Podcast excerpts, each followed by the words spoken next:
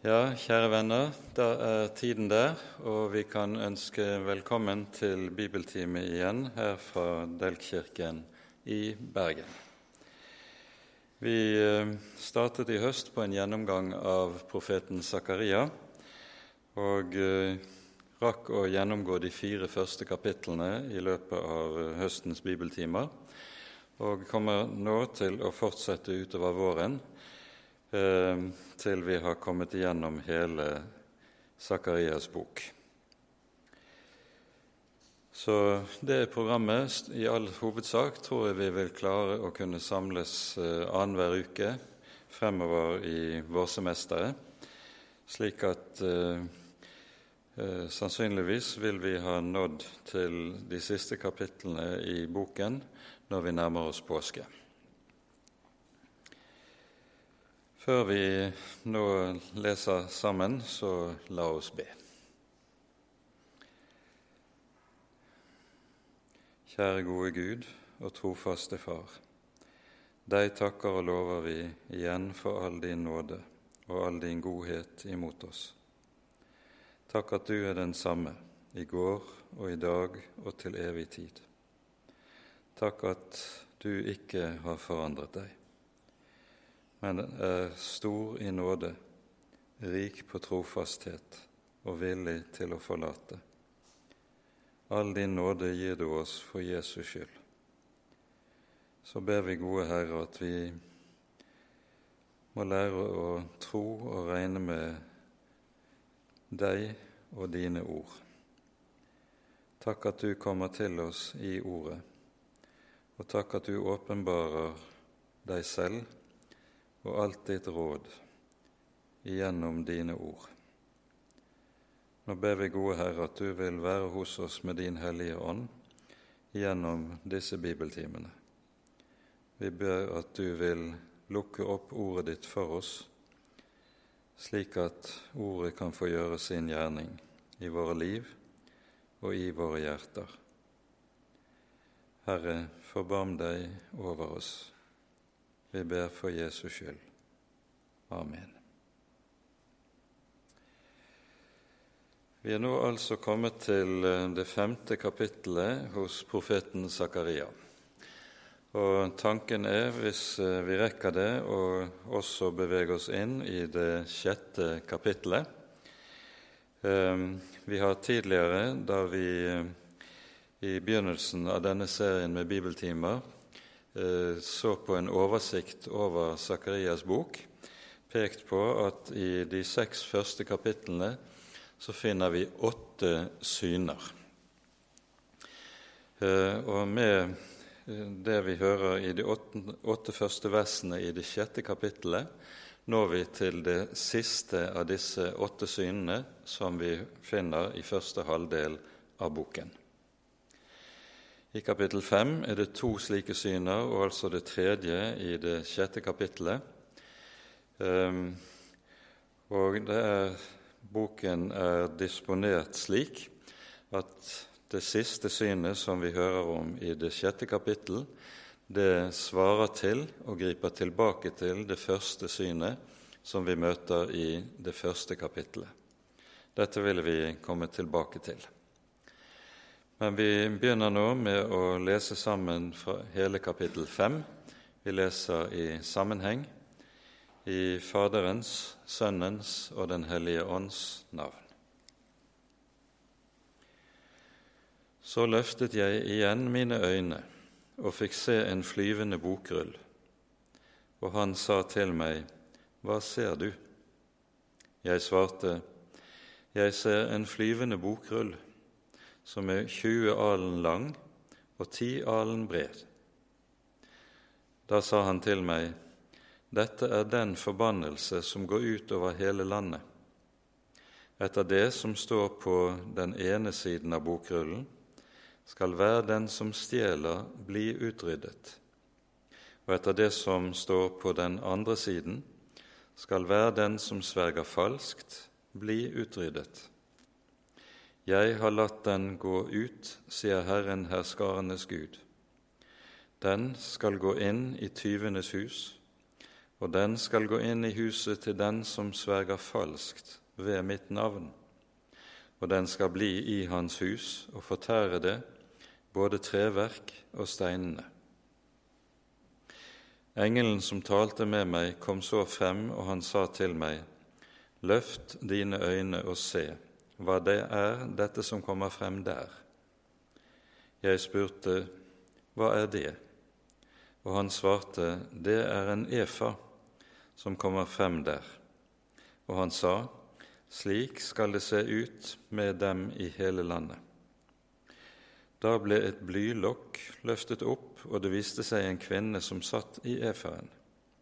Og han sa, Dette er ugudeligheten.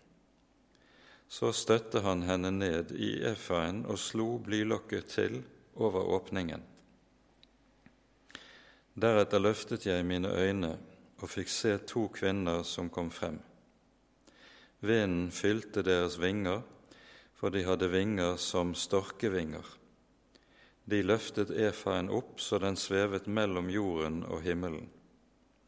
Da sa jeg til engelen som talte med meg, Hvor skal de hen med efaen? Og han svarte, De skal til Sinias land for å bygge et hus for henne og når det er ferdig, skal hun settes ned der på sitt sted. Amen. Her møter vi altså de to synene, det sjette og syvende av visjonene som profeten har. Og eh, vi nevnte innledningsvis at den åttende som kommer i kapittel seks, refererer til det første i kapittel én. Og det som kjennetegner disse, er at det første visjonen i kapittel én og den siste i kapittel seks befatter seg med nasjonene omkring Israel, med hedningefolkene mens alle de øvrige synene fra det, syvende, fra det andre til det syvende befatter seg med Israels folk og ulike forhold i Israels folk. Det er måten dette er ordnet på i visjonene. Den første visjonen handler altså om at profeten får se en flyvende bokrull. Vi forstår av det som sies i vers 3, at denne bokrullen er beskrevet på begge sider, både innvendig og utvendig, noe vi jo hører om i andre sammenhenger. Når profeten Esekiel får en bokrull gitt av Herren som han skal ete, så er den beskrevet både innvendig og utvendig. Og når vi hører om hvorledes Moses er på Sinai, og i kapittel 2 32 mottar eh, lovens tavler, så er de også beskrevet på begge sider. Og Dette innebærer at eh, det bildet på hvorledes Guds åpenbaring er fullbyrdet, den, eh, det er ikke noe som gjenstår, som skal åpenbares, og som trenger å åpenbares. Videre så beskrives også målene på denne bokrullen, og det er meget viktig, akkurat de målene som den har. Den er 20 alen lang og 10 alen bred. Og det svarer til målene som er for det hellige i tempelet. Tempelet besto jo av to rom, det hellige og det aller helligste. Det aller helligste var ti ganger ti alen i størrelse, mens det, det hellige, som altså, man altså presten kom inn i før han kunne gå inn i det aller helligste, det målte 20 ganger 10 alen. Det som teksten med det markerer, det er at det er en sammenheng, og skal være en uløselig sammenheng, med det som har med et menneskes kall det religiøse liv, dets gudsdyrkelse, og det som er dets liv ellers i verden. Dette er et poeng som vi møter i en rekke ulike sammenhenger i vår bibel. Og eh, vi ser rett som det er i Israels folk, at det er et problem at folket kan være meget flittige i sin gudsdyrkelse, samtidig som når de går ut i livet i sin hverdag, så lever, bryr de seg fint lite om hva som er Guds bud. De lever etter sine egne lyster og går sine egne veier. Så poenget her er at det knyttes en sammenheng mellom helligdommen og livet i det daglige. Dette adresseres altså på ulike måter i Den hellige skrift, og en av de viktigste tekstene i så måte finner vi hos profeten Jeremia i det syvende kapittelet, og vi tar oss tid til å lese derfra.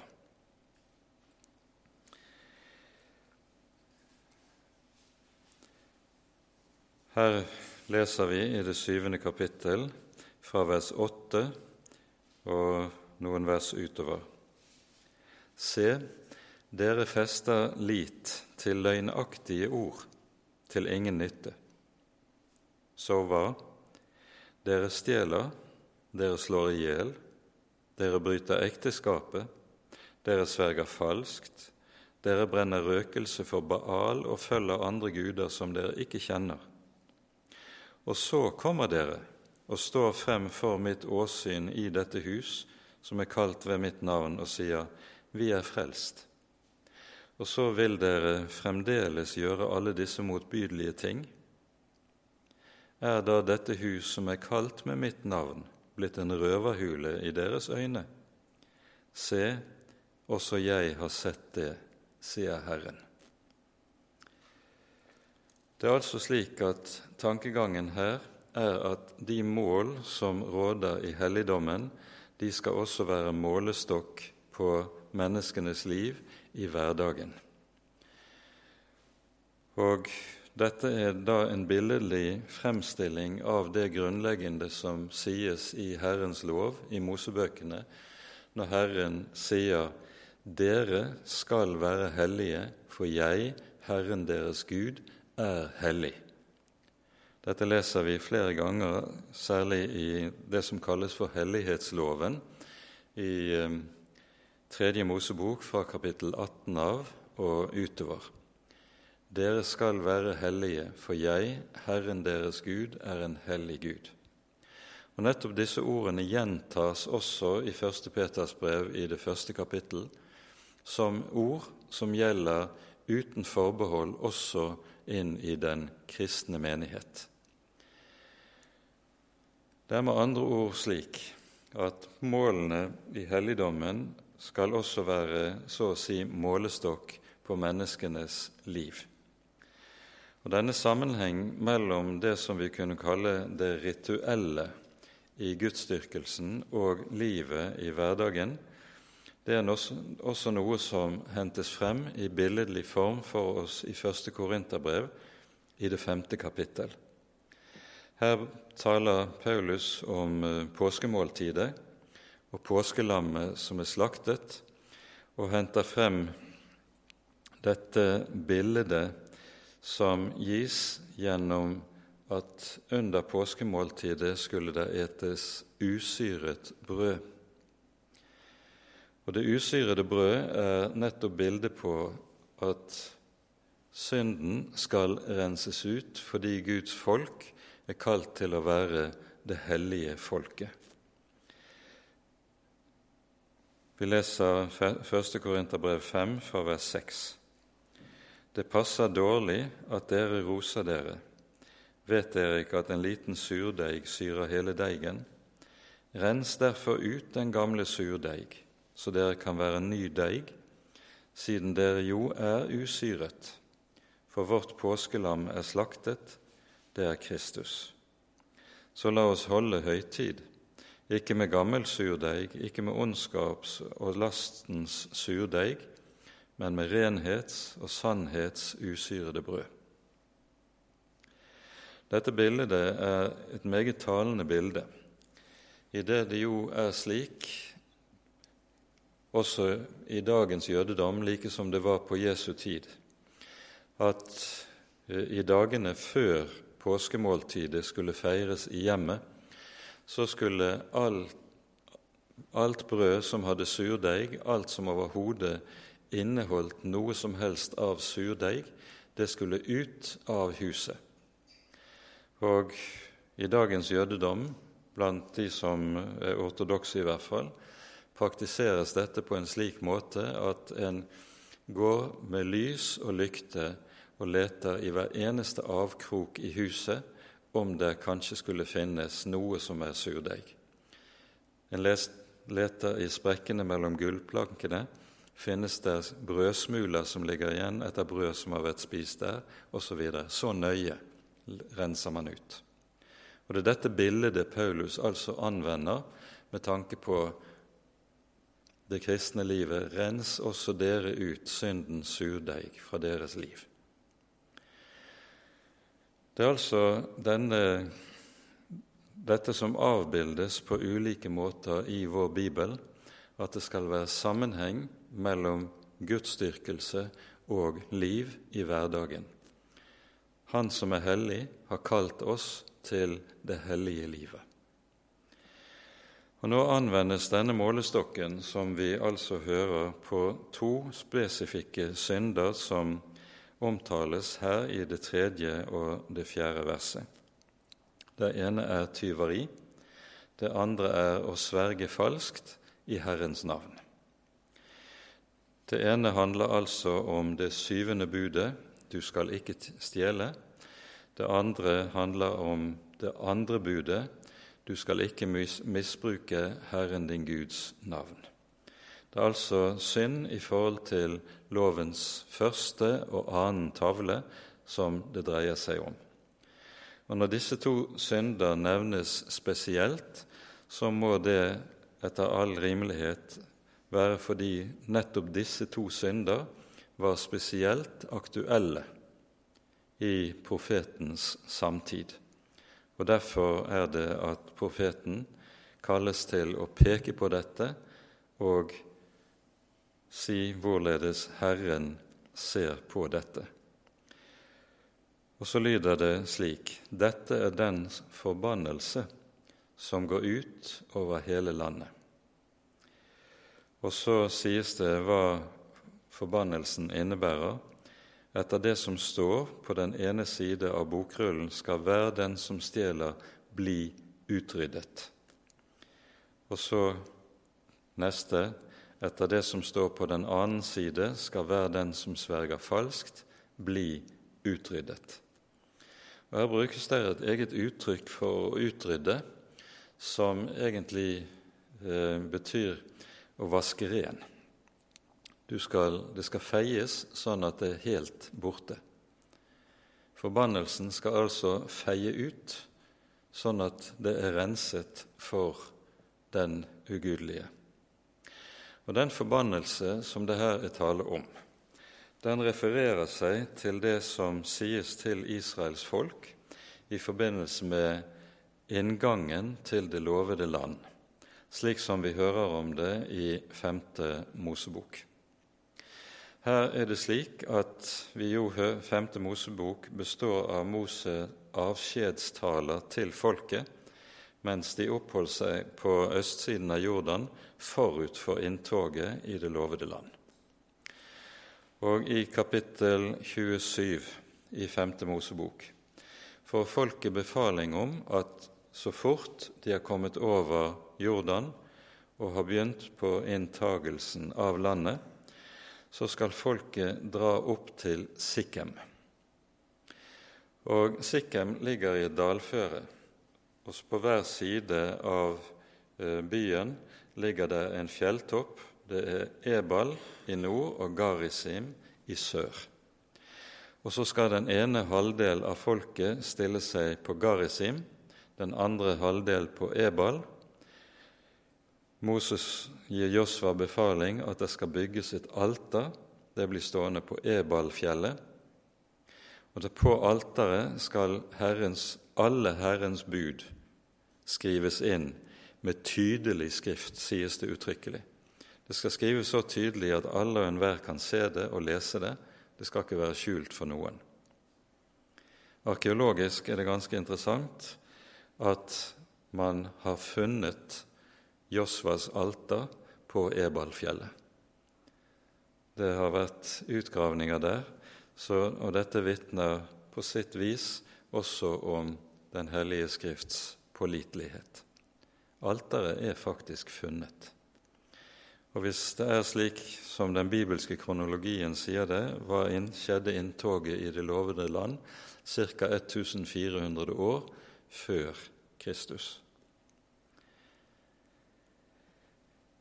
Folket som altså skal stille seg på disse to toppene, de får så i oppdrag at de som blir stående på Garisim, de skal lese høyt alle Herrens løfter om hvorledes Han vil velsigne sitt folk. Mens de som stiller seg på Ebalfjellet, de skal lese høyt alle forbannelsene som Herren sverger å sende over folket dersom de bryter Herrens lov og Herrens bud. Og så slutter kapittel 27 med disse ordene som Paulus senere siterer i Galaterbrevet. Forbannet være den som ikke holder ordene i denne lov, og ikke gjør etter dem. Og alt folket skal si amen. Kapittelet er skrevet på en sånn måte at eh, det lyder et påbud forbannet er den som ikke Og så skal hele folket svare amen etter det som står i hvert enkelt vers. I det vi hører i teksten hos Zakaria, så sies det i det fjerde verset Herren jeg, Herren, har latt den gå ut. Og Da siktes det ikke til bokrullen, men til forbannelsen. Jeg, Herren, har latt forbannelsen gå ut, sier Herren, herskarenes Gud. Den skal gå inn i tyvenes hus, den skal gå inn i huset til dem som sverger falskt. Og den skal bli i hans hus og fortære det, både treverk og stein. Og Hvis du da leser det 28. kapittel i 5. Mosebok, så vil du høre hvorledes Herren så å si inn i detaljer beskriver hvorledes forbannelsen skal gå inn i huset og være virksom selv i de minste ting i menneskenes liv. Forbannet være ditt deigtraug, forbannet være ditt krus. Altså de minste og de største ting forbannet være ditt leie, osv. Forbannelsen er med andre ord ikke bare et ønske om at noe ondt skal komme til å skje, men forbannelsen er, når Herren sender den ut, en virksom kraft som ødelegger menneskenes liv. Dette er det dype alvoret som ligger i det. Og Der menneskene altså innretter seg slik som Jeremia beskriver det, der de kommer inn i Herrens hus og sier 'Vi er frelst', og så går ut igjen og lever som det passer dem, ikke bryr seg det aller minste om hva Herren sier i sitt bud, der blir forbannelsen virksom. Og Dette er det dype alvor som gjør seg gjeldende i slike ting, og som Herren altså har sendt profeten for å advare folket i forhold til.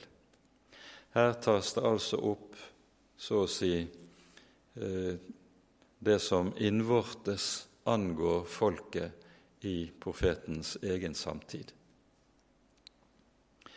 Så kommer det neste synet, som for oss fortoner seg som et særdeles merkelig syn. Profeten blir av engelen som er sendt for å gi og disse åpenbaringer eller syner til profeten, blir vist en efa. En efa er et hulmål som rommer 36 liter, og det var det vanlige målet som ble brukt når en skulle veie opp korn i datiden. Samtidig var det også slik at efaen veldig ofte ble forfalsket. De som solgte korn, kunne gjøre efaen mindre for at de skulle sikre seg større fortjeneste enn rett var. Men i denne sammenheng så blir bildet et annet. Og vi hører dette merkverdige som sies. Han svarte at han så en efa komme frem, og slik skal det se ut med dem i hele landet. Dette, denne setningen, siste setningen i vers 6 det skulle kanskje heller oversettes 'slik skal de', altså folket, se ut i hele landet. Det er en ugudelighet som er lukket inne. Så ble et blylokk løftet opp, og det viste seg en kvinne som satt i efaen, og engelen sa, 'Dette er ugudeligheten'. Og Det er et forunderlig bilde. I vår bibel er det jo slik at kvinnen brukes som bilde i to ulike sammenhenger i vår Den hellige skrift. For det første er kvinnen bildet på Guds helligede folk. Hun kalles for jomfruen Israel eller jomfruen Sion. Dernest kan kvinnen også brukes som bilde på det frafalne Israel, og da kalles kvinnen for skjøgen Israel eller skjøgen Juda. Dette er den tvetydighet som vi kan møte i ulike deler av Den hellige skrift. Her sies det altså denne kvinnen symboliserer og legemliggjør ugudeligheten i Israels folk. Det ordet som er oversatt med ugudelighet, det er et ord som bokstavelig betyr ondskapen slik som den gjør seg gjeldende både overfor Gud og mennesker i livet. Det er ondskapen slik som den ytrer seg både i møte med Gud og mennesker. Det er poenget med dette ordet, og det er viktig å være klar over betydningen av ordet. Når ugudeligheten så er lukket inne i en efa, og der er satt et blylokk på, et meget tungt lokk altså, så innebærer det at Gud med dette bildet sier ugudeligheten er det satt en grense for, slik at den ikke skal få utfolde seg fritt.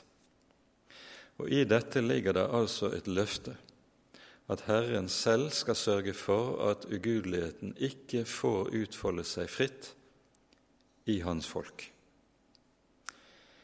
Vi hører om eh, etter at profeten har sett ugudeligheten slik, så sies det i vers 8 så støtte engelen henne ned i efaen og slo blylokket til over åpningen. Det er tydelig at ugudeligheten vil ut og vil gjøre seg gjeldende. Det får den ikke lov til, støtes tilbake, og så fjernes den. Og så kommer to kvinner med vinger lik storkevinger. Det betyr at de har meget store, mektige vinger som kan bære. Og de løfter den opp og tar den med til Siniars land.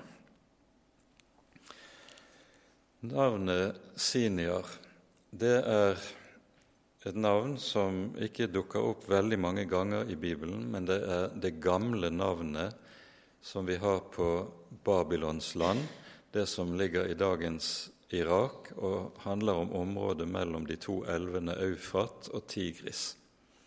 Det er det gamle navnet som i sin tid skriver seg fra navnet Sumer, som var den eldste kulturen i eh, dette området.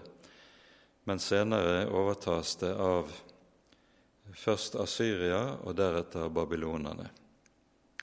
Siniar er omtalt første gang i vår bibel i Første Moseboks tiende kapittel.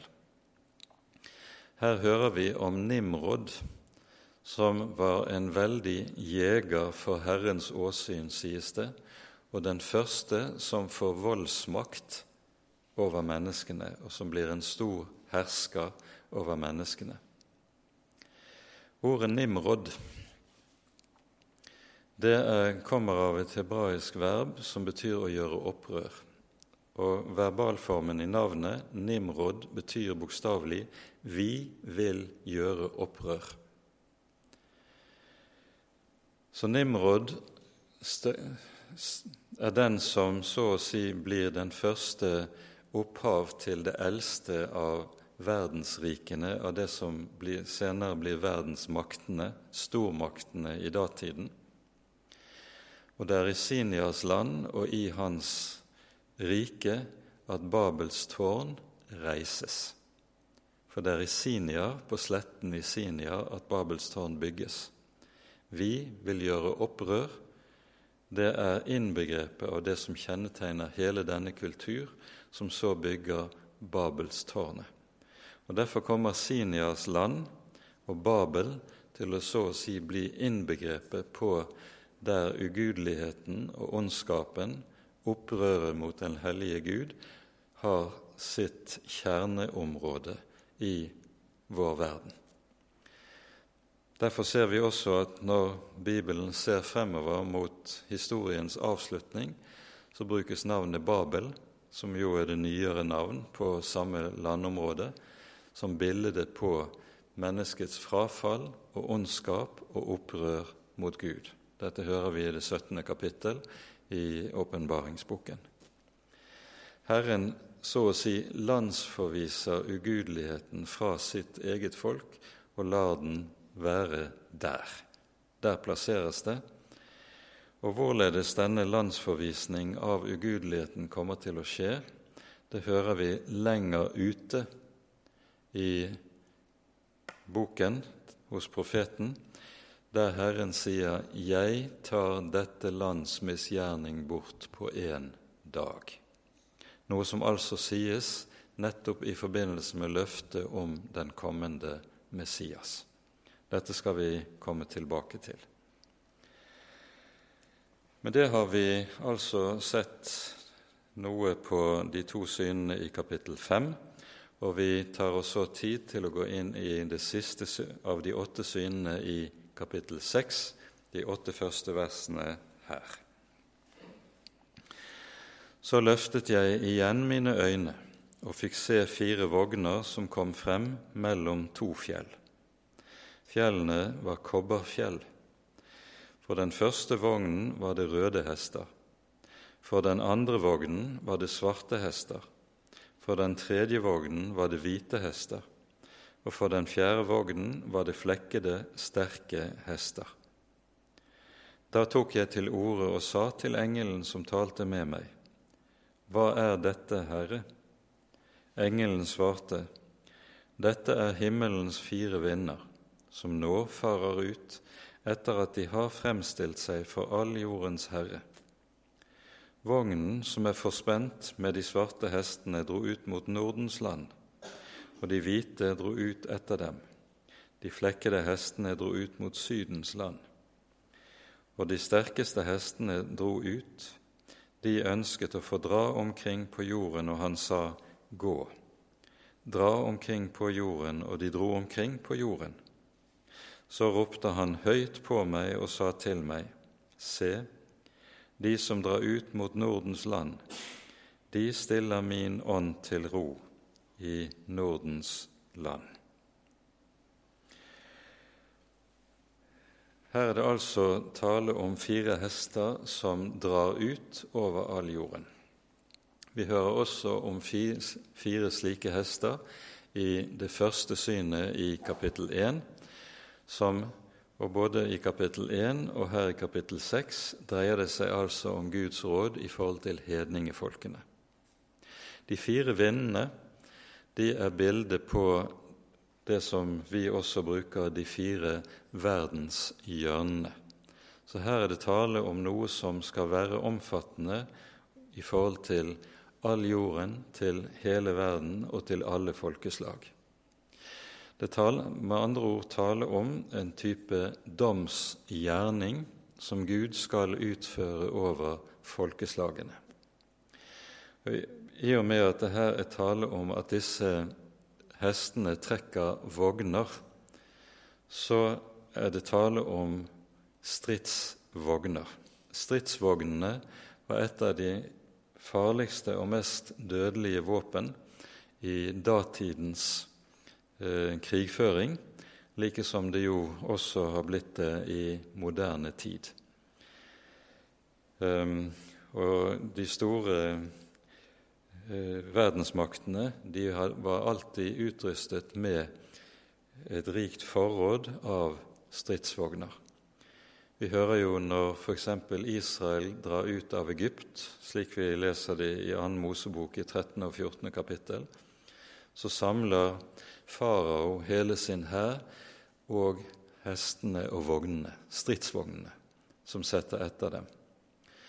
Og Stridsvognene som man kjenner til fra var i bruk i, blant egypterne, de var et fryktelig våpen fordi det var slik at i tillegg til at det sto to mann på selve vognen, én styrte hestene, og én var utrustet med pil og bue og spyd, slik at han kunne ramme fiendene, så var det montert kniver i form av ljåer på hjulene, slik at når vognen kom inn i en avdeling med fotsoldater, så ville hjulene så å si hugge ned eh, disse stakkarene som ble gjenstand for dette. Så stridsvognen var ikke noen uh, ufarlig redskap i datidens krigføring, like som det heller ikke er det i dag. Det som varsles her, det er en allmenn domsgjerning som skal gå over folkeslagene. Og Med dette så møter vi noe som vi har møtt allerede hos profeten Jesaja tidligere, og som gjøres, tydeliggjøres gjennom profeten Jeremia. Vi, det er nemlig slik at med disse profetenes virke så begynner det som kalles for verdensrikenes periode i bibelhistorien. I, under Jesaja sitt virke er det det asyriske verdensriket gjør seg gjeldende. Og Det asyriske verdensriket, det leser vi f.eks. i Jesaja-bokens tiende kapittel, er et Guds domsredskap over folkeslagene. Det er Herren som bruker Asyria som sin vredes ris over folkeslagene, og også over sitt eget folk over Israel og Juda. Så avløses det, avløses det asyriske verdensriket av Babylon. Så kommer deretter det persiske verdensriket, og så det greske. Og disse store verdensmaktene som nå etter tur kommer til å gjøre seg gjeldende på historiens arena, de har alle det med seg at de er Guds domsredskaper over folkene, som skaper en fortvilelse og en menneskelig nød blant folkene, som er med å berede grunnen for evangeliets komme i tidens fylde. Det skal vi snakke mer om ved et annet høve, men dette er en del av det som skjer. Så sammenhengen her eh, er det vi har pekt på. Eh, bildet med de fire hestene og de fire rytterne det anvendes og fornyes i åpenbaringsboken i det sjette kapittelet. Der er det jo slik at i det femte kapittelet så får Johannes se Den allmektige sitte med bokrullen i sin hånd som er forseglet med syv seil. Ingen kunne åpne bokrullen, sies det. Ingen var funnet verdig, verken i himmelen eller på jorden eller under jorden. Og Når Johannes gråter fordi ingen kan åpne rullen, så er det fordi han med det forstår at da vil Guds råd til frelse ikke kunne fullbyrdes. Så gråter han. Og så får han trøsten gråt ikke. Løven av Judas stamme, han er funnet verdig til å åpne rullen og bryte seilene på den. Og så fikk jeg se, sier Johannes, et lam stående der midt imellom tronen og de 24 eldste, like som slaktet. og så lyder lovsangen for lammet 'Verdig er du, Guds lam'. Og så kommer kapittel seks, der lammet bryter seilene. De første fire seilene som brytes, de fører med seg at det er fire ryttere som rir ut over verdens, verden og verdens folkeslag. Og her er det gjort tydelig det som ikke sies så klart hos profeten Zakaria, der den røde rytteren symboliserer krigen, den sorte eller den blakke hesten pesten, den sorte representerer døden, og så er den siste hesten representerer hungersnøden. Disse fire rytterne med sine hester som har hver sin farge, de er bildet på allmenne krefter i historien, som gjør seg gjeldende gjennom hele historien. Der den hvite rytteren, som symboliserer evangeliet, ikke blir tatt imot, der kommer de tre neste rytterne, den sorte, den røde og den blakke hesten, som representerer forbannelseskreftene i historien.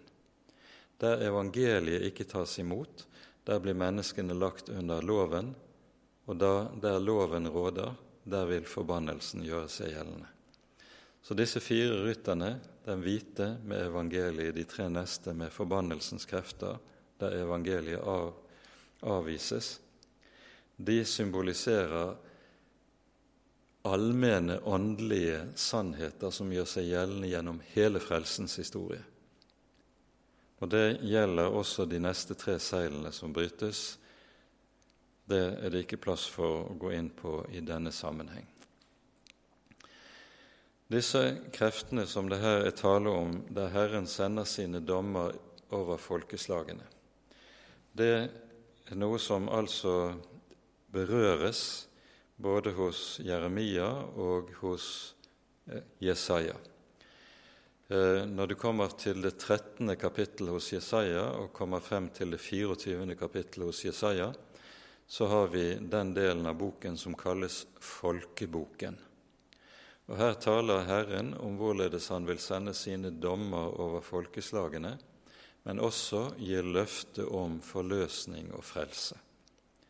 Og så kommer det 25. kapittel med det store løftet om frelsen, som eh, der det sies 'Han skal tilintetgjøre døden for evig på dette fjell', nemlig på Sion.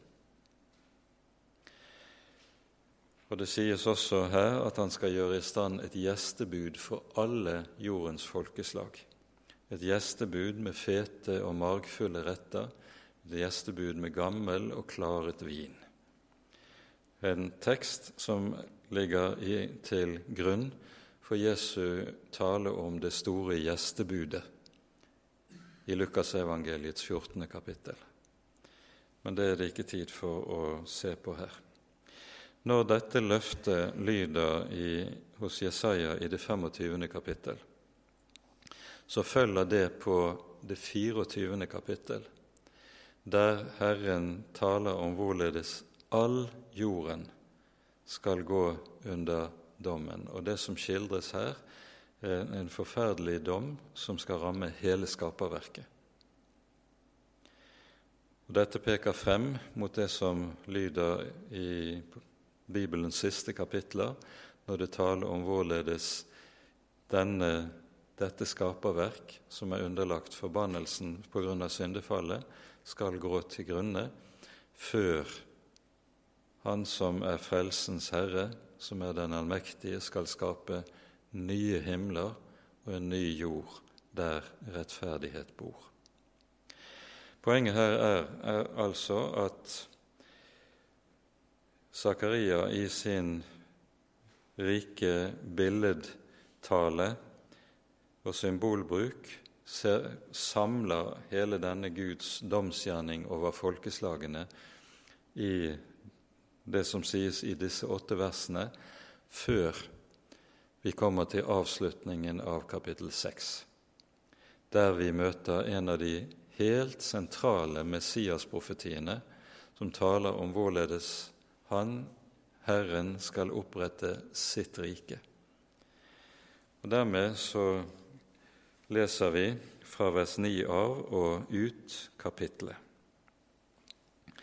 Herrens ord kom til meg, og det lød så:" Ta imot gavene fra de bortførte, Heldai, Tobia og Jedaia, og gå selv på denne dag inn i Josias Sefanias sønns hus, for dit er de kommet fra Babel.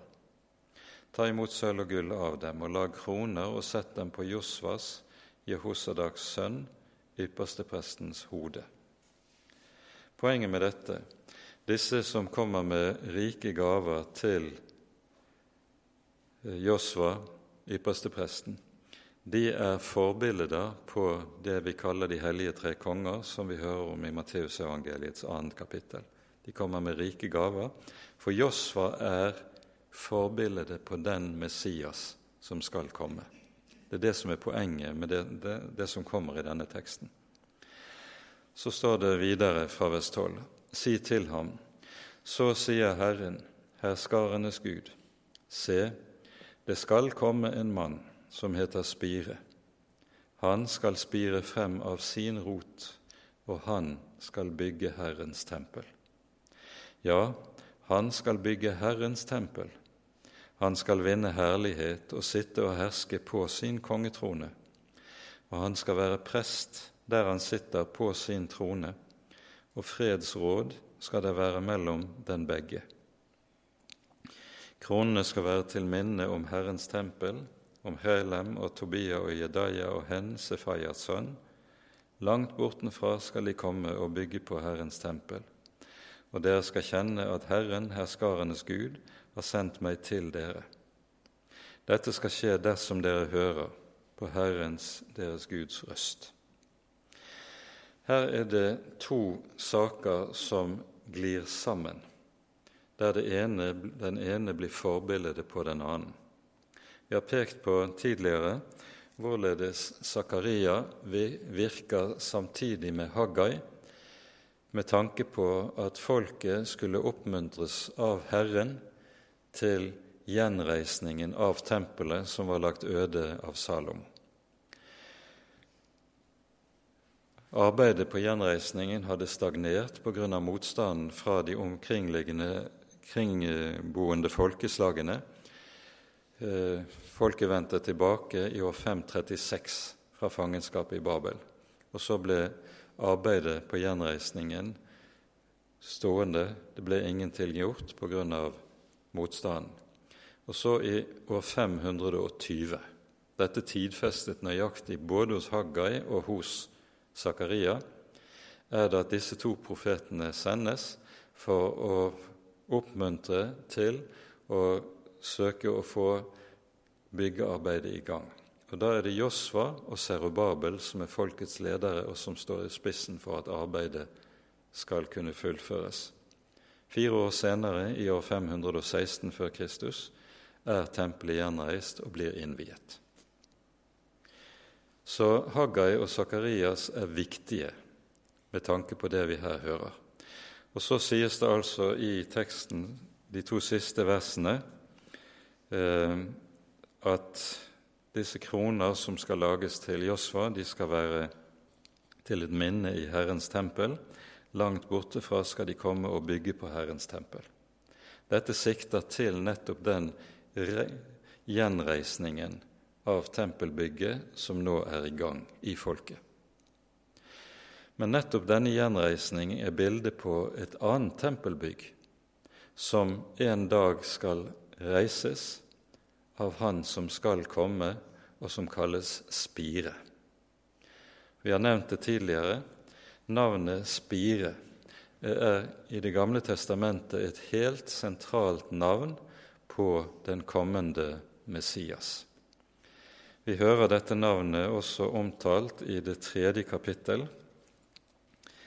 Eh, her leser vi slik fra vers 8. Også her er det Josva, ypperstepresten, som står i fokus. Hør nå, Josva, du yppersteprest, du og dine venner som sitter her foran deg, dere er varselsmenn. Det betyr de er forbilder. Josva er i sin person forbildet på han som skal komme, og som kalles Spire. For se, jeg lar min tjener spire. Og så er det vi hører her, som vi nevnte det tidligere, i slutten av vers 9, jeg tar dette lands misgjerning bort på én dag. Han som heter Spire, han som er den kommende Messias, han er den som tar folkets misgjerning bort på én dag. Hvilken dag det er, det vet vi. Det er på langfredagen, når Herren Jesus lider døden på korset. Men det sies altså om ham at han skal bygge Herrens tempel. Dette er jo noe Jesus selv eh, refererer til i Johannesevangeliet i det annet kapittel, når han sier til noen som kommer til ham med kritikk og innvendinger Riv dette tempel ned, sier han, og jeg skal gjenreise det på tre dager. Og Senere i Det nye testamentet er det slik at det er den kristne menighet som kalles Herrens tempel. Og han som bygger dette tempel, det er nettopp Herren Jesus selv. Det er ikke mennesker som kan bygge Herrens tempel. Det er Herren alene som kan bygge Herrens tempel. Den kristne menighet bygges ikke gjennom menneskelig innsats, menneskelig strev, menneskelig arbeid. Den kristne menighet bygges ene og alene av Herren selv. Og han gjør det ved sin Hellige Ånd og ved sitt ord. For det er Guds redskaper når han bygger sitt hus og sitt tempel. Og Det er med tanke på dette at Paulus i, i 1. Korinterbrev kaller den kristne menighet for Den hellige ånds tempel. Uttrykket Den hellige ånds tempel anvendes to, på to ulike måter av Paulus. For det første hører vi i det sjette kapittel at den kristnes kropp, legeme, er Den hellige ånds tempel. Og Derfor skal den kristne sørge for at kroppen ikke hengir seg til synd, fordi kroppen nettopp er Den hellige ånds tempel. Og Dernest hører vi i det tredje kapittel i første Korinterbrev hvorledes menigheten som fellesskap kalles for Den hellige ånds tempel. Og Det er særlig dette siste det sikter til her i denne sammenheng hos profeten Zakaria, når det sies 'Han'. Han skal bygge Herrens tempel. Nå er det noen særegenheter ved det vi hører sies her i, eh, om den kommende mann, Messias, spiren, som vi skal merke oss nøye. Det sies i vers 12.: Se, det skal komme en mann som heter Spire. Han skal spire frem av sin rot. Dette er et merkelig uttrykk, og det sikter til det at Jesu opphav og bakgrunnen for ham og hans evangelium, det er noe man ikke kan finne i hans samtid. Historikere som ikke tror evangeliet, de er stadig på leting i idéhistorisk og omkring i Jesus samtid for å finne ut hva kan roten være til det budskapet han bærer frem, hva kan bakgrunnen være for det og det som han bærer frem. Men Jesu komme har ikke sin bakgrunn i noe menneskelig som foregår i historien. Kilden ligger i det som er gitt ovenfra, og derfor spirer han frem av sin rot. Han har ikke sin rot i noe menneskelig som er der fra tidligere av. Og Det er det som ligger i dette uttrykket, og det er derfor Jesus senere kan si, slik vi leser det i Johannesevangeliets åttende kapittel, i en samtale med en gruppe motstandere dere er nedenfra, jeg er ovenfra. Dere er av denne verden, jeg er ikke av denne verden. For han har ikke sin rot, og du kan ikke finne bakgrunnen for hans budskap i noe menneskelig. Og Det er derfor også Paulus med tydelighet sier når han taler om hva som kjennetegner evangeliet. Det er det som ikke noe øye har sett, ikke noe øre har hørt, ikke, som ikke er oppkommet i noe menneskes tanke, men som er gitt ovenfra av Gud. Det kommer ikke nedenfra fra mennesker. Dette er noe som er helt avgjørende i budskapet om evangeliet slik det er gitt oss i Skriften. Evangeliet er ikke menneskepåfunn. Det er noe som er gitt ovenfra, og som intet menneske kunne tenke ut, om det aldri så mye hadde ønsket det. Og Derfor går evangeliet også imot all menneskelig tanke og alt den menneskelige fornuft mener er rimelig. Og så er det de vise og kloke rister på hodet av evangeliet. Han skal spire frem av sin rot. Det er det merkverdig skrevet på en helt spesiell måte i hebraisk, og det sikter til det vi her peker på. Han skal altså bygge Herrens tempel, og så sies det han skal sitte på sin kongetrone, og han skal være prest der han sitter på sin trone. Og Dette peker på et annet uhyre grunnleggende trekk ved Messias gjerning. Han er både konge og prest.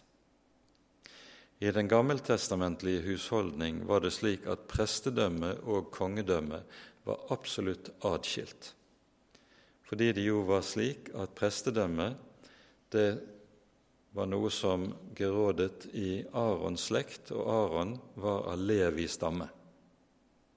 Mens kongedømmet var i Davids hus og Davids slekt, og David var av Judas stamme. Og Derfor kunne aldri en prest bli konge, og aldri en konge bli prest. Vi hører om en av kongene i Jerusalem som prøver seg på prestelig tjeneste i helligdommen. Det er kong Ussias. Han går inn i helligdommen for å ofre røkelse.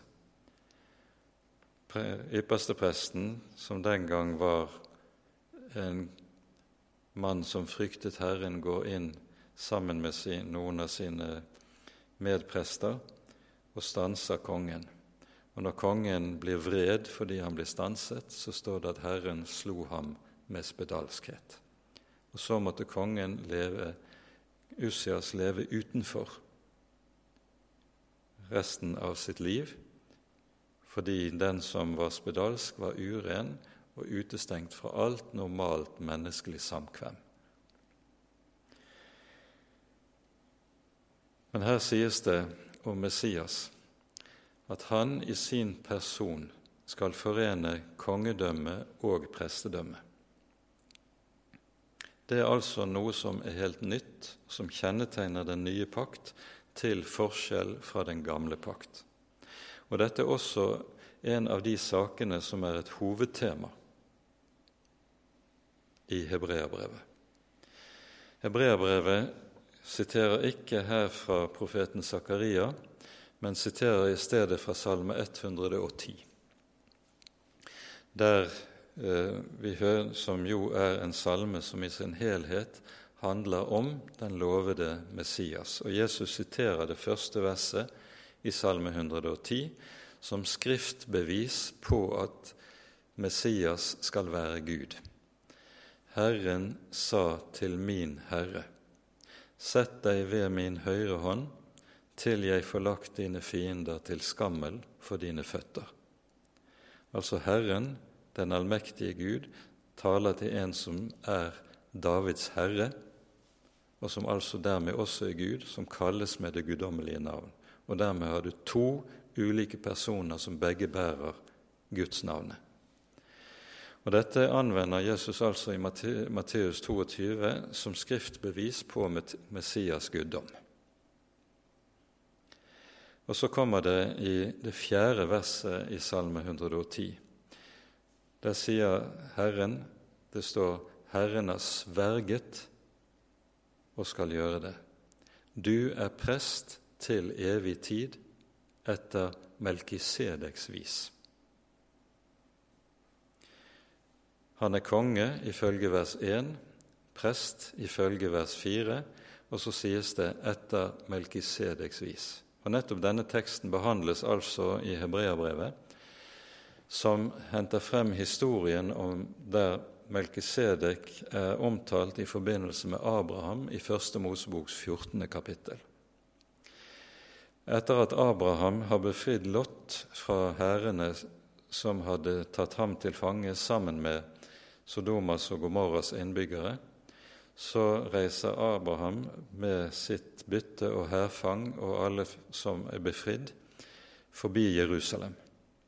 Og så kommer kongen i Jerusalem, som den gang het Salem, som betyr fred. Han kommer ut av byen, og kongen heter Melkisedek. Kongen, sies det, var prest for den høyeste Gud. Og Når Messias altså er prest etter Melkisedeks vis, så er det akkurat som med Melkisedek. Han er både konge og prest samtidig.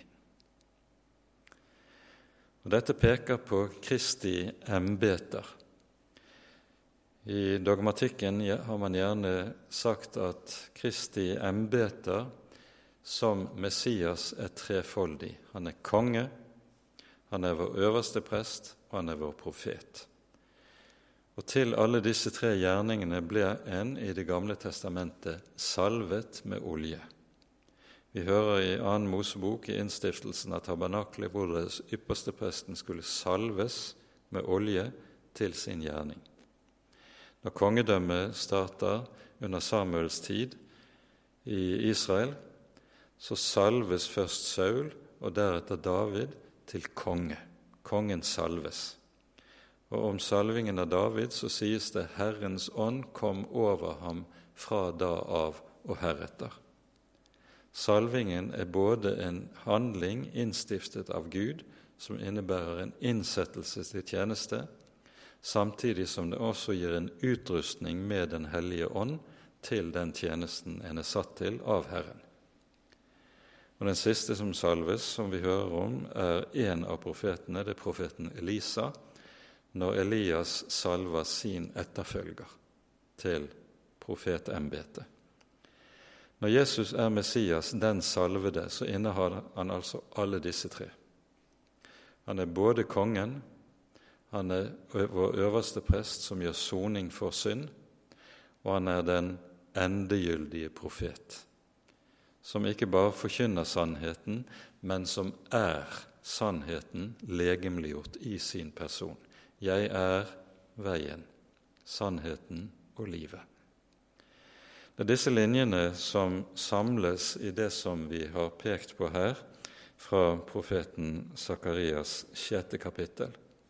Og med det som vi her har vært inne på, så ser vi hvorledes vi her finner en av de aller mest sentrale Messias-profetiene i Det gamle testamentet, i det det her sies noe grunnleggende om Messias person og gjerning, som senere utfoldes videre i profetiene lenger ute i Sakarias bok. Både 9. kapittel, 12., 13. og 14. kapittel er dypt messianske, som en gjerne sier det noe vi skal komme tilbake til når vi går videre utover gjennom boken. Han skal vinne herlighet, sitte og herske på sin kongetrone, og han skal være prest der han sitter på sin trone, og fredsråd skal det være mellom den begge. Og det at Messias påtar seg denne gjerning, å være vår konge, være vår prest, øverste prest, og være vår profet. I det ligger det den dypeste velsignelse for alle som hører ham og tar imot ham og tror ham. Med dette setter vi punktum for kveldens bibeltime og vil fortsette om to uker, og da ta for oss syvende og åttende kapittel. Ære være Faderen og Sønnen og Den hellige ånd, som var og er og være skal, en sann Gud, høylovet i evighet. Amen.